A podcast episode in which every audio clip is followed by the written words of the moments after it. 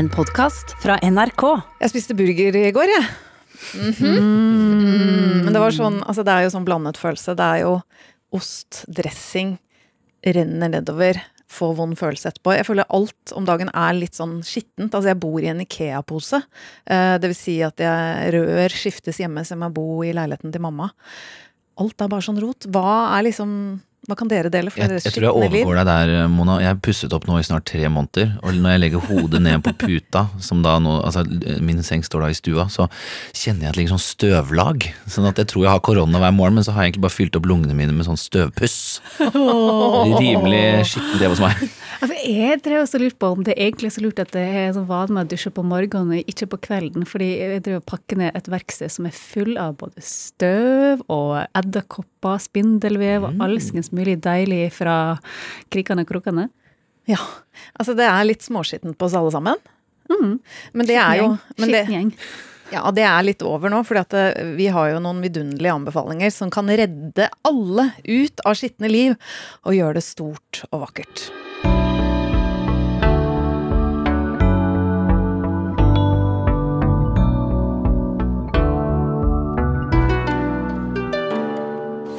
I am to be married. Who would marry you? Does this crazy man know your family situation? That you have nothing? He cares not for such matters. Emperor Peter and I are about finer things. Emperor Peter. Of Russia. Yep. Russia. Vi setter oss eh, i en hestevogn med litt klassisk musikk på vei til storhet. Velkommen til episode tre av podkasten Kulturstripa. Til hverdags så er jo vi et radioprogram på NRK P2 med gjester og livemusikk. Men her så tar vi med oss ukas beste anbefalinger og gir dem til deg. Vi anbefaler også helt ny musikk. Og kulturjournalist Jean Kristin Sena er på plass. Velkommen! Og så har vi gitt Torkil fri og hentet inn den aller beste vikar, journalist og konnoissør, Mats Valø Bienvenue. Eh, God fredag! Ja.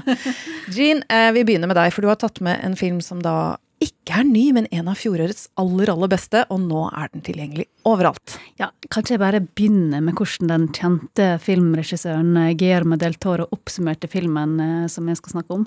Han, skrev, han skrev på Twitter Det største en kan gjøre av kjærlighet, er å se og bli sett.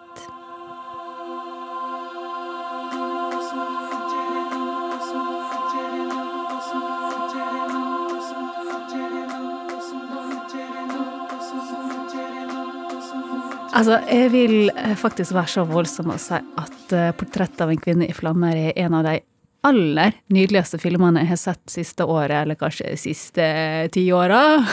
Å, du ligger på ti! Veldig bra, Jean. Altså, den hadde jo, som du sa, kinopremiere for en god stund siden, men er den tilgjengelig på nettkino og diverse andre sånne leieplasser. Og filmen er da både skrevet og regissert av franske Céline Sciamma.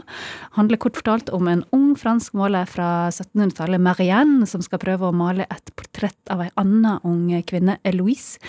Og det har blitt gjort forsøk av eh, dette av en maler før, uten hell, fordi Eloise vil ikke la seg portrettere. Nei, fordi at eh, det er en grunn til at hun ikke vil bli malt, for da, hva betyr det å bli malt? Jo, det som er, er at eh, dette maleriet her, det skal sendes til en mann i Milano som Eloise aldri har møtt før, men som mora hennes har bestemt at hun skal gifte seg med.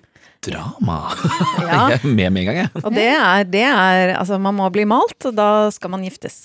Aha. Vips. Men uh, så Marianne da, hun kommer dit for å da male Eloise i all hemmelighet. Det vil si at Marianne utgir seg for å være en form for sånn selskapskvinne som for Eloise som går rundt på stranda med henne, heller om selskap, lange samtaler med henne. Og så på ettermiddagen og kvelden så må Marianne da male portrettet ut ifra hukommelsen sin av alt hun har observert av Eloise, nok til å kunne liksom eh, ja, få alle detaljer fram og sånt. Ja, og det, det gjør uh, I all hemmelighet så stirrer hun. Veldig. og i denne prosessen da, med å observere, så, så blir det sakte, men sikkert en sånn her, helt sånn nydelig relasjon mellom eh, Marianne og Elise. For hva skjer egentlig når du må observere, lese og tolke hver eneste bitte lille detalj ved en person? Og hva skjer med den som blir observert? Altså hvor masse ved den personen sin utseende endrer seg etter hvert som du også blir bedre kjent med vedkommende. Eh, og hvor mye av den personen, og ikke minst din egen person, blir endra av det nye vennskapet. Det er utrolig fascinerende. Det er jo noe når du ser på et ansikt, og jo lengre du ser på det, så det sånn, forandrer det seg mer, og til slutt så er det ugjenkjennelig, og så ser du bort, og så ser du tilbake, og så er det sånn Nei, det var det samme ansiktet. Jo, men har dere også opplevd sånn eh, hvis dere møter noen, så blir dere bedre kjent med det, så endrer på en måte utseendet. Altså, det kan fort bli enten finere eller av og til litt styggere jo bedre kjent man blir. Jo, men eh, når man kjenner mennesket, så ser man jo bare det vakre mennesket. Uansett. eh, så også sånne venner som jeg har hatt siden tidenes morgen, som nå liksom nærmer seg 50. Jeg kan ikke se det. Jeg ser bare det utrolig vakre mennesket. Altså, man er jo vakker selv om man nærmer seg 50, men dere skjønner hva jeg mener? Ja, Absolutt. Og, og, og jeg syns jo altså, sånn som eh, Det har jo vært folk jeg har møtt som eh, ikke liksom legger merke til meg engang, men så begynner de å snakke, og så sier de så masse fine ting, og så blir det bare sånn Å, shit, så fin du er. Nå ser jeg på liksom øynene dine mer enn jeg noen gang har sett før. Siden. Det er jo veldig fine, store, fine øyne du har. Herregud, du òg. Herregud, fader, ja. Flotte folk. Men denne filmen her er da både kvinnefrigjøring, det er kjærlighet, og det er så masse lidenskap. Som begynner veldig kaldt, egentlig, men så åpner det opp til så masse varme, og det peker til så masse lidenskap og tap, og myten om Orfeus og Eurydike blir jo både med direkte i diskusjoner i filmen, men også i historien mellom Eloise og Marianne. Den er så nydelig. Og Noemi Mella og Adele Ainel, som som spiller da Marianne og Elise, de spiller så vanvittig bra. Med helt ned til sånn små mimikker i ansiktet, i hendene, øynene, og det er, det er så nydelig. Og man skal ikke liksom bli skremt av starten, hvor det er, eh, er litt kaldt og, og litt sånn på avstand, og så, og så blir vi Hvilket år er vi i? Det er vel 1700-tallet? Ja, det er sånn gamle dager. Ja. Dette er gamle dager. Dette er korsetter, store kjoler. Eh, ja. Og det kommer jo ekstra tydelig fram i fotograferinga til Claire Maton som har filma det hele, som veksler mellom sånne store, vakre, maleriske, jeg vil nesten egentlig si sublime landskapsbilder, til sånne ultranære detaljer av ører og øyne og alle sånne småting som Marianne må huske av Eloise for å kunne male henne. Altså, jeg er helt romantisk. Jeg blir helt for- forelska, jeg. Dette er en god, uh, god film. Mm, og musikkbruken, nesten ikke noe musikk, bortsett fra Vivaldis fire år siden, og det nydelige kvinnekoret som vi hørte litt av i stad, som jeg tenkte vi kunne høre litt til nå, som synger da Non possum fuggere, som passer nok på mange måter betyr ikke Jeg kan ikke flykte.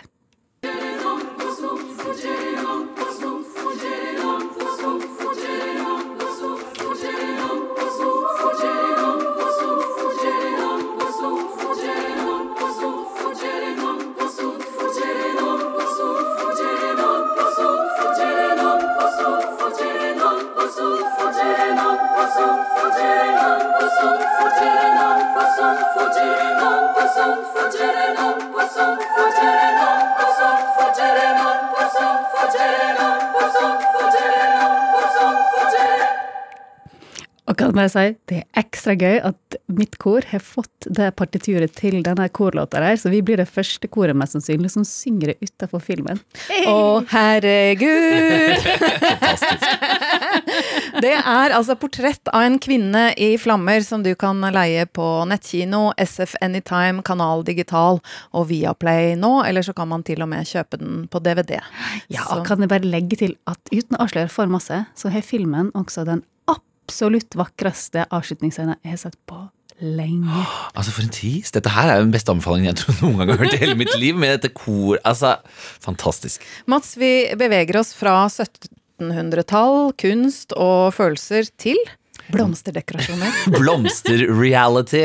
Det kan ha noe med å gjøre at jeg har da fått meg leilighet og skal drive og plante litt selv, og fant da på Netflix denne uken kom det da et nytt reality-konkurranseshow, som da altså handler om amatørblomsterdekoratører. Hvor mye eh, amatørblomsterdekoratører har vi der ute? Eh, Dette er et av mine spørsmål til dere, fordi jeg har aldri sett et dekorert blomster, eh, altså eh, oppsats, altså sånn du selvfølgelig sånn blå- eh, i bryllup og så videre, men sånn en gigantisk gigantisk bie på tre meter i diameter også. Har dere noen gang sett det? Nei, men kan jeg da skyte inn? Jeg har jo faktisk vært amatør blomsterdekoratør sjøl. Ok, hvor, nå, hæ? Hvorfor det? Eh, Det har jeg også. Jeg hadde blomsterdekorasjonen i mamma sitt bryllup med stefaren min. Oi! Okay. Ja, jeg har dekorert et bryllup, eh, det var hjemme på stranda, men jeg jobba i blomsterbutikk i sju år.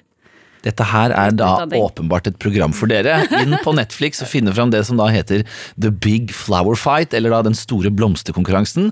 Og det er altså bare at du tar Masterchef, eh, eller da for eksempel The Great eh, British Bake Off, som på en måte er den britiske versjonen, og så bare bytter du ut maten og putter inn enorme blomsterstrukturer. Og det er altså da ti lag med da blomsterforhandlere, dekoratører osv. som da skal konkurrere om hovedpremien, som altså er en blomsterinstallasjon for Londons Key Garden. Og de er fra hele verden. Altså Det er noen par, det er far og sønn, det er et par eh, europeere eller fra liksom, Danmark og Nederland. Um, Jan og Henrik, jeg har lyst til å trekke fram de med en gang, for de har altså kilt, det er topphatter. Altså Det er deltakere mildt sagt like blomstrende som blomstrende selv. Hør på dette. It's physical. It's emotional. All right. It begins. Ten pairs of amateur floral sculptors from around the world are coming together to battle it out. Run, run, run. Teams will create supersized structures festooned with flowers and foliage. Bam! I want these giant structures to be colorful. I want them to be beautiful and bigger than big than big. Your time starts now! It's anyone's game at this moment, isn't it? Oh, yes. Every challenge, someone will win Best in Bloom. Oh my God! Wow. I think you absolutely hit this out of the park. But one team will be heading directly for the compost pile. I asked for character. I did not ask for sloppy. Don't you dare! Give me my glass back! Okay, well, clearly the competition is on. And the one team would have end up in the compost pile. Altså det er, de har da laget en sånn superdome ute i det britiske landskapet, hvor da disse deltakerne løper inn og skal da lage disse gigantiske skulpturene. Eh, og utfordringene, ja, de er alt fra latterlige til enda mer latterlige, spør du meg. Som vi snakket om innledningsvis, hvor mange sånne skulpturer av blomster har du egentlig sett noen gang før? Jeg har aldri sett noen. Men de er ganske spektakulære, de er gigantiske, og eh, for eksempel de lager insekter på 3-4 meter, de lager eh, skapninger fra havet, og i finalen av disse ti episodene så skal de altså lage et, et landskap inspirert av eh, eventyret eh, Hans og Grete. Men får du Altså- lyst til at det skal bli fint, liksom? Du får sånn? veldig lyst til det, Ja. og du blir litt, litt overraska over hvor fint det egentlig blir. Jeg har lyst til å trekke fram da disse to eh, gutta, eh, Jan og Henrik, som da altså er da henholdsvis fra Danmark og Nederland, som altså da skal lage en sånn moth, altså en møll. Og så kommer da selvfølgelig hoveddommer, hold dere fast for dette navnet er helt fantastisk, Christian Griffin van de Yacht. Oi, wow! Altså, det er mye å plukke ut her. Men Han er er blomsterdekoratør. Han er veldig blomsterdekoratør også, i absolutt. Eh, De skal da altså lage en møll, og sier da altså at møllen den skal ikke være vakker. Og så sier han da til Heik at eh, du, vi, det er kanskje ikke det beste å si til dommeren at den ikke skal være vakkert. Og så sier Heik da dette er min konkurranse, jeg bestemmer. Og han bryr seg da ikke om eh, konvensjonelle skjønnhets, skjønnhetsnormer osv. Og, så videre, og går da for å lage en stygg møll, som selvfølgelig dere blir dritstilig. Den blir selvfølgelig helt fantastisk. Og så har vi noen andre deltakere som jeg også har fått veldig veldig hjerte for, og det er da far og sønn. Ralph og Jim, sønnene, de er helt fantastiske. Under den andre utfordringen så får sønnen Jim et lite sammenbrudd. Og sønnen han er kanskje bare liksom 22 år gammel, men han klarer da altså å komme seg opp på oppmuntrende ord fra faren. Så utrolig fin sånn far-sønn-forhold. Altså, eh, Far-sønn-forhold i blomsterdekorasjon som binder dem sammen. Det er helt nydelig. og under tilbakemeldingen da Deg sånn.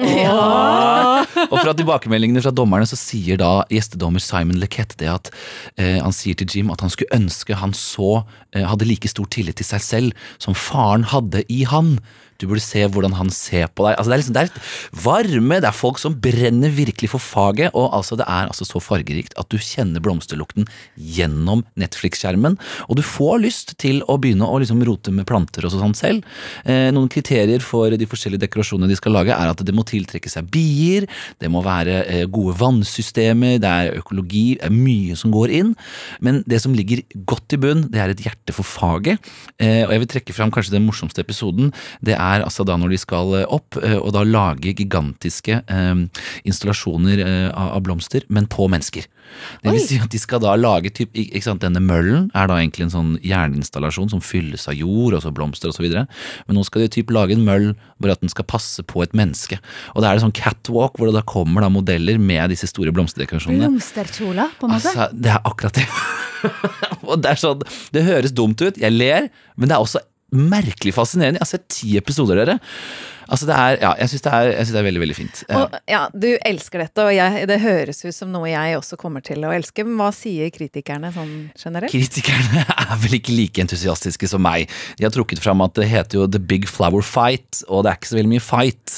Det er det ikke. Det er flere fine øyeblikk enn det er eh, stressende øyeblikk. I traileren så prøver de å liksom sette opp sånn Oh no, will they make it? Kommer de til å klare denne utfordringen? Alle klarer det. så, men det er liksom samhold, eh, og, og, og jeg syns det er på en måte det viktigste. Det gir meg liksom ro i sjelen. Vi er ute i liksom countryside, landskapelig eh, England, og folk eh, driver med blomster. Altså, det Og er kanskje vi liksom trenger backdoor. litt mer kjærlighet enn fight nå akkurat nå? Absolutt, og selvfølgelig i siste episode, når noen stikker av gårde med seieren, så er alle enige om at det har vært en fin reise, og alle har vokst veldig mye. Så Å, det er de har måte- vokst. vokst mye. Sier det bare. The Big Flower Fight. Den store blomsterkonkurransen Den heter det da på store Netflix. ja. blomsterkonkurransen ligger da ute på Netflix, og du har allerede brukt ti timer på det. Det er kjempefint. Ja. Eh, eh, vi, altså, som jo da selv lever litt eh, skitne små liv om dagen, eh, skal holde oss til vidunderlige eh, blomsteroppsatser, og også nå korsetter. Fordi det er jo noen historiske hendelser som eh, byr på kreativitet igjen og igjen, og det er igjen laget da en serie om Katarina den store. Helen Mirren spilte henne sist i Catherine the Great. Nå er det Elle Fannings som har strammet korsettet i HBO-serien The Great. Ti episoder på HBO, også ti timer. Laget da av Tony McNamara, som skrev den utrolig bra og Oscar-nominerte The Favourite. Eh, har dere sett den filmen? Det er en med fantastisk film. ja, med Olivia Colman som jo vant beste hovedrolle for den. En periodekomedie, og det er på en måte dette også. Altså, det er en godtepose av hoffliv og humor og historie og drama. En god del sex. De ligner litt, liksom. Eh, I formen, på en måte. Bitte litt Ja. eh, minner de, fordi det er den humoren og det rare hofflivet. Og eh, Det er ja, jo på en måte bare skru av eh, det at det skal være så stivt. ja, ikke noe stivt. Husker dere, hva husker dere om Katarina den store, egentlig? Veldig lite. Ja, hun styrte altså verdens største land fra 1762 til 1796. Russlands lengst regjerende kvinne, etter da å ha styrta sin mann, tsar Peter. Hun kom fra Tyskland, skulle da gifte seg med Peter. Var veldig sånn belest, elsket Voltaire og ideer og filosofi og poesi og sånn. Det var ikke hun venner med noen sånne her også? Jo, hun brevvekslet masse med Voltaire, for eksempel. Men i serien så er hun 18 når hun kommer. I virkeligheten så var hun 14, og undertittelen på serien er um, på The Great er An Occasionally True Story. Så de er utrolig løse med like. historien. Uh, men vi kan jo bare høre da når Katarina ankommer, fordi hun er jo full av poesi og drømmer og sånn. Og så er dette da før bryllupsnatten, eh, hvor tjenestepiken, åh, som jeg ikke husker hva heter hun skuespilleren, Um, er så bra! Ja, Men hun eh, spør da om, om eh, Katarina er forberedt på det som kommer, da, bryllupsnatten. Are you ready for tonight? You do know what to expect. You suppose me more naive than I am. My mother has explained everything. She has? The man caresses you softly, pressing his lips to yours. Your breasts and skin awaken and shiver with palpitating joy. Between your legs quivers and moistens with longing. He enters you and you become one. Your bodies meld, your souls mesh. As the sensation takes hold of you, you fall into a black sky filled with the shiniest of stars. You float for a time in ecstasy before waves of pleasure push and pull you back into your body. Your body ushers forth yelps and sometimes song before he and you explode within, collapsing together, spent and unified. Then you lay together, laughing softly, weeping occasionally with ecstatic joy. And finally, he wraps his arms around you, whispers poetry softly into your ear, and you fall into a delicious sleep. Yep, that's pretty much it. Jeg kan avsløre at det blir ikke akkurat uh, sånn. Uh, Peter... kan ikke se for meg at det er så mange bryllupsnøtter som har vært sånn. Nei, var, hun er ikke helt naiv. Jo, hun er ganske naiv. Altså, men Peter, da, selv om han selv sier at han har en great big cock, altså beklager å måtte si det, men det går igjennom som et tema, uh, så er han liksom ikke den store. Faren hans var den store.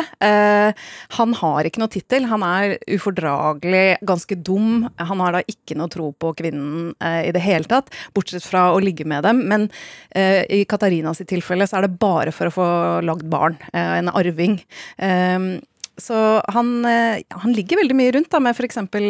kona til bestevennen. Ja. Eh, og så har han et veldig sånn morskompleks, eh, fordi han ble jo selvfølgelig da ikke elsket eh, som barn. Nei, Går rundt med hennes perlekjeder og danser gjerne i hennes skjørt, sånn at ballene får svinge fritt. det er ganske morsomt. Og Peter er da spilt av Nicholas Holt, som er helt strålende.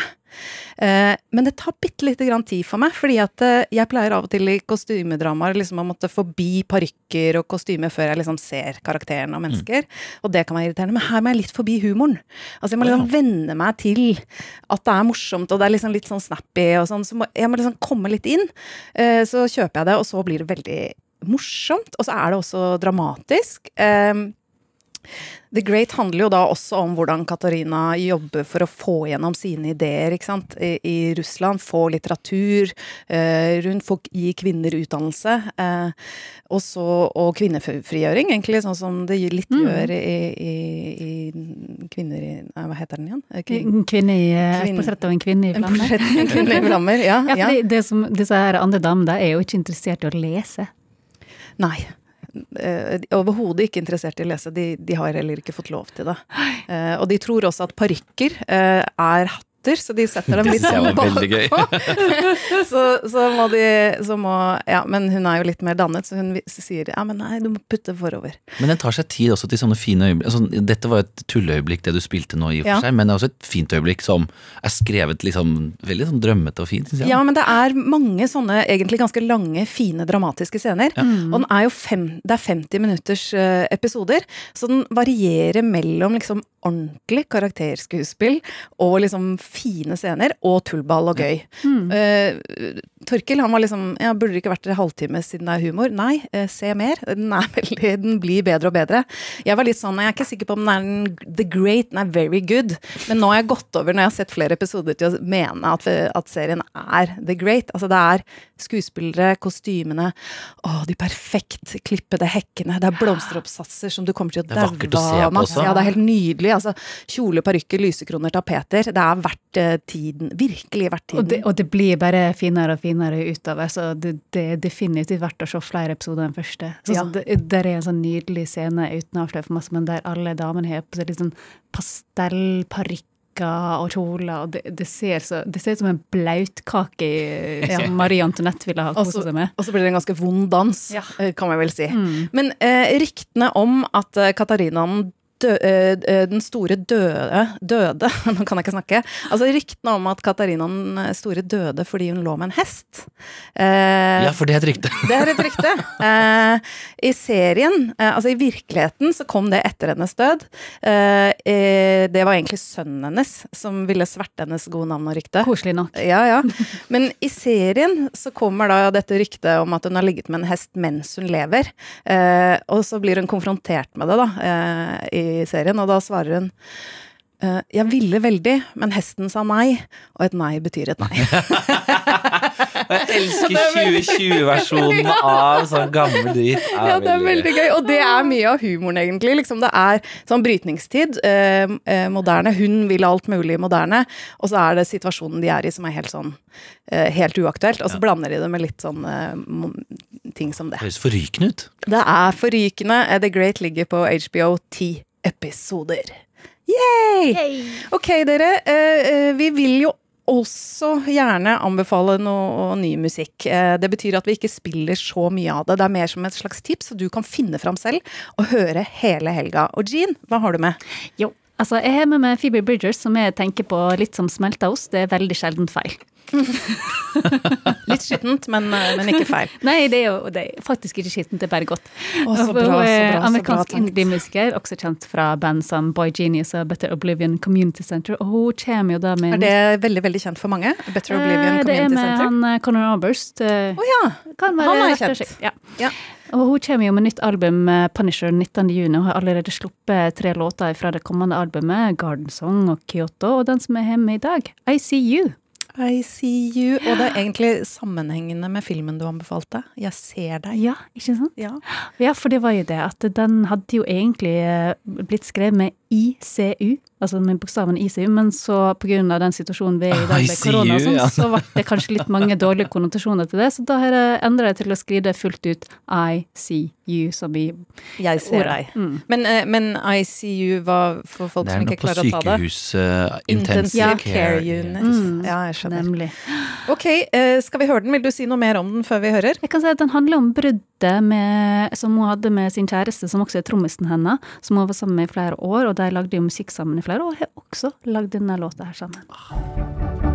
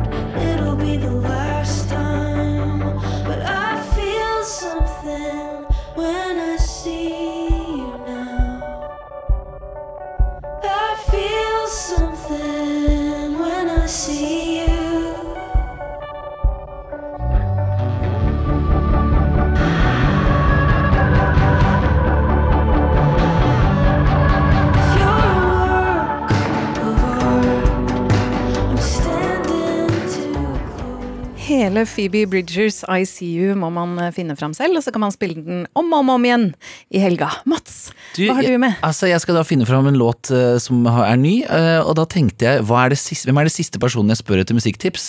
Bestefaren min på 94 år. Han er soul-elsker, og fortalte meg da at Lee Fields and The Expressionist har da kommet ut med ny musikk. Og jeg må bare si det at um, i utgangspunktet så tenkte jeg ok, hva i all verden er det du anbefaler meg nå? Men så kom jeg på at jeg så Lee Fields og The Expressions for bare noen år siden her i Oslo, 2017, på Kosmopolit. Og det er organisk. Det høres ut som det er live. Vi er tilbake på 70-tallet, selv om det egentlig er 2020 og låta kom, ja, i dag.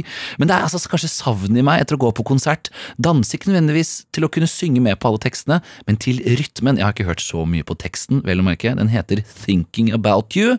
For å liksom sette dere litt inn i, så er det altså um, Lee Fields er da liksom 69 år gammel. Han er fra USA. Han er iboende soul på den måten at han har vært med å synge til liksom Han har vært med og sunget med alle. Altså Jeg orker ikke å begynne å lese opp engang, men det er veldig veldig mange. Og det er band, det er trompeter, det er saksofon, bass, gitar, piano og trommer. Det er noen som har sagt um, en anmeldelse som kom ut i dag tidlig, eh, hvor det da står at singer Lee Fields is back with a new single, and as always, it sounds instantly timeless. Og jeg syns timeless er liksom det er key for akkurat dette her.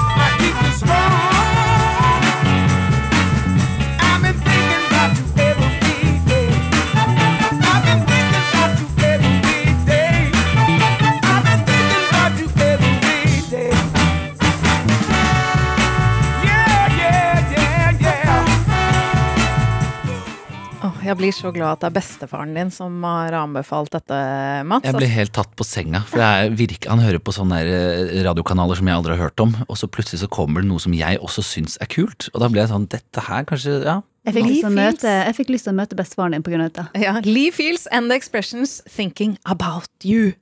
Den kan vi da også ta på repeat i helga, eller? Absolutt. Jeg tenkte at uh, jeg hadde så lyst til å spille den siste Jayhawks-låta, This Forgotten Town. Jeg hadde litt lyst til å spille Snoop Dogs I Wanna Go Outside, som er en koronalåt som faktisk var veldig fin. Men så ble jeg så veldig smittet av begeistringen av Eirik i redaksjonen, som jo er en del år yngre enn meg. Han elsker norske Death by Unga Bunga. Og det er jo fordi blant annet han er fra Moss. Og jeg hadde jo nesten glemt hvor jeg er fra. Det er ikke fra Moss, men jeg har liksom vært veldig opptatt av garasjerock en periode i livet mitt. Og da har det alltid vært Moss har vært gode på garasjerock, og veldig gode på garasjerock kombinert med powerpop. Og det er også Death by Unga Bunga. Altså de har liksom de har den harde garasjerocken i bånn, men så er det liksom alltid gode popmelodier. Eh, og de er jo en yngre generasjon, da, men de har holdt på lenge, fra 2010 ca. Eh, og dette er musikk som man kan bli glad av, og som får meg tilbake liksom til eh, Til Moss? Nei. ja, omtrent til Moss, og, og, og, og kanskje litt ut av blomsteroppsatsene vi snakka om i dag, da, men eh, fint er det.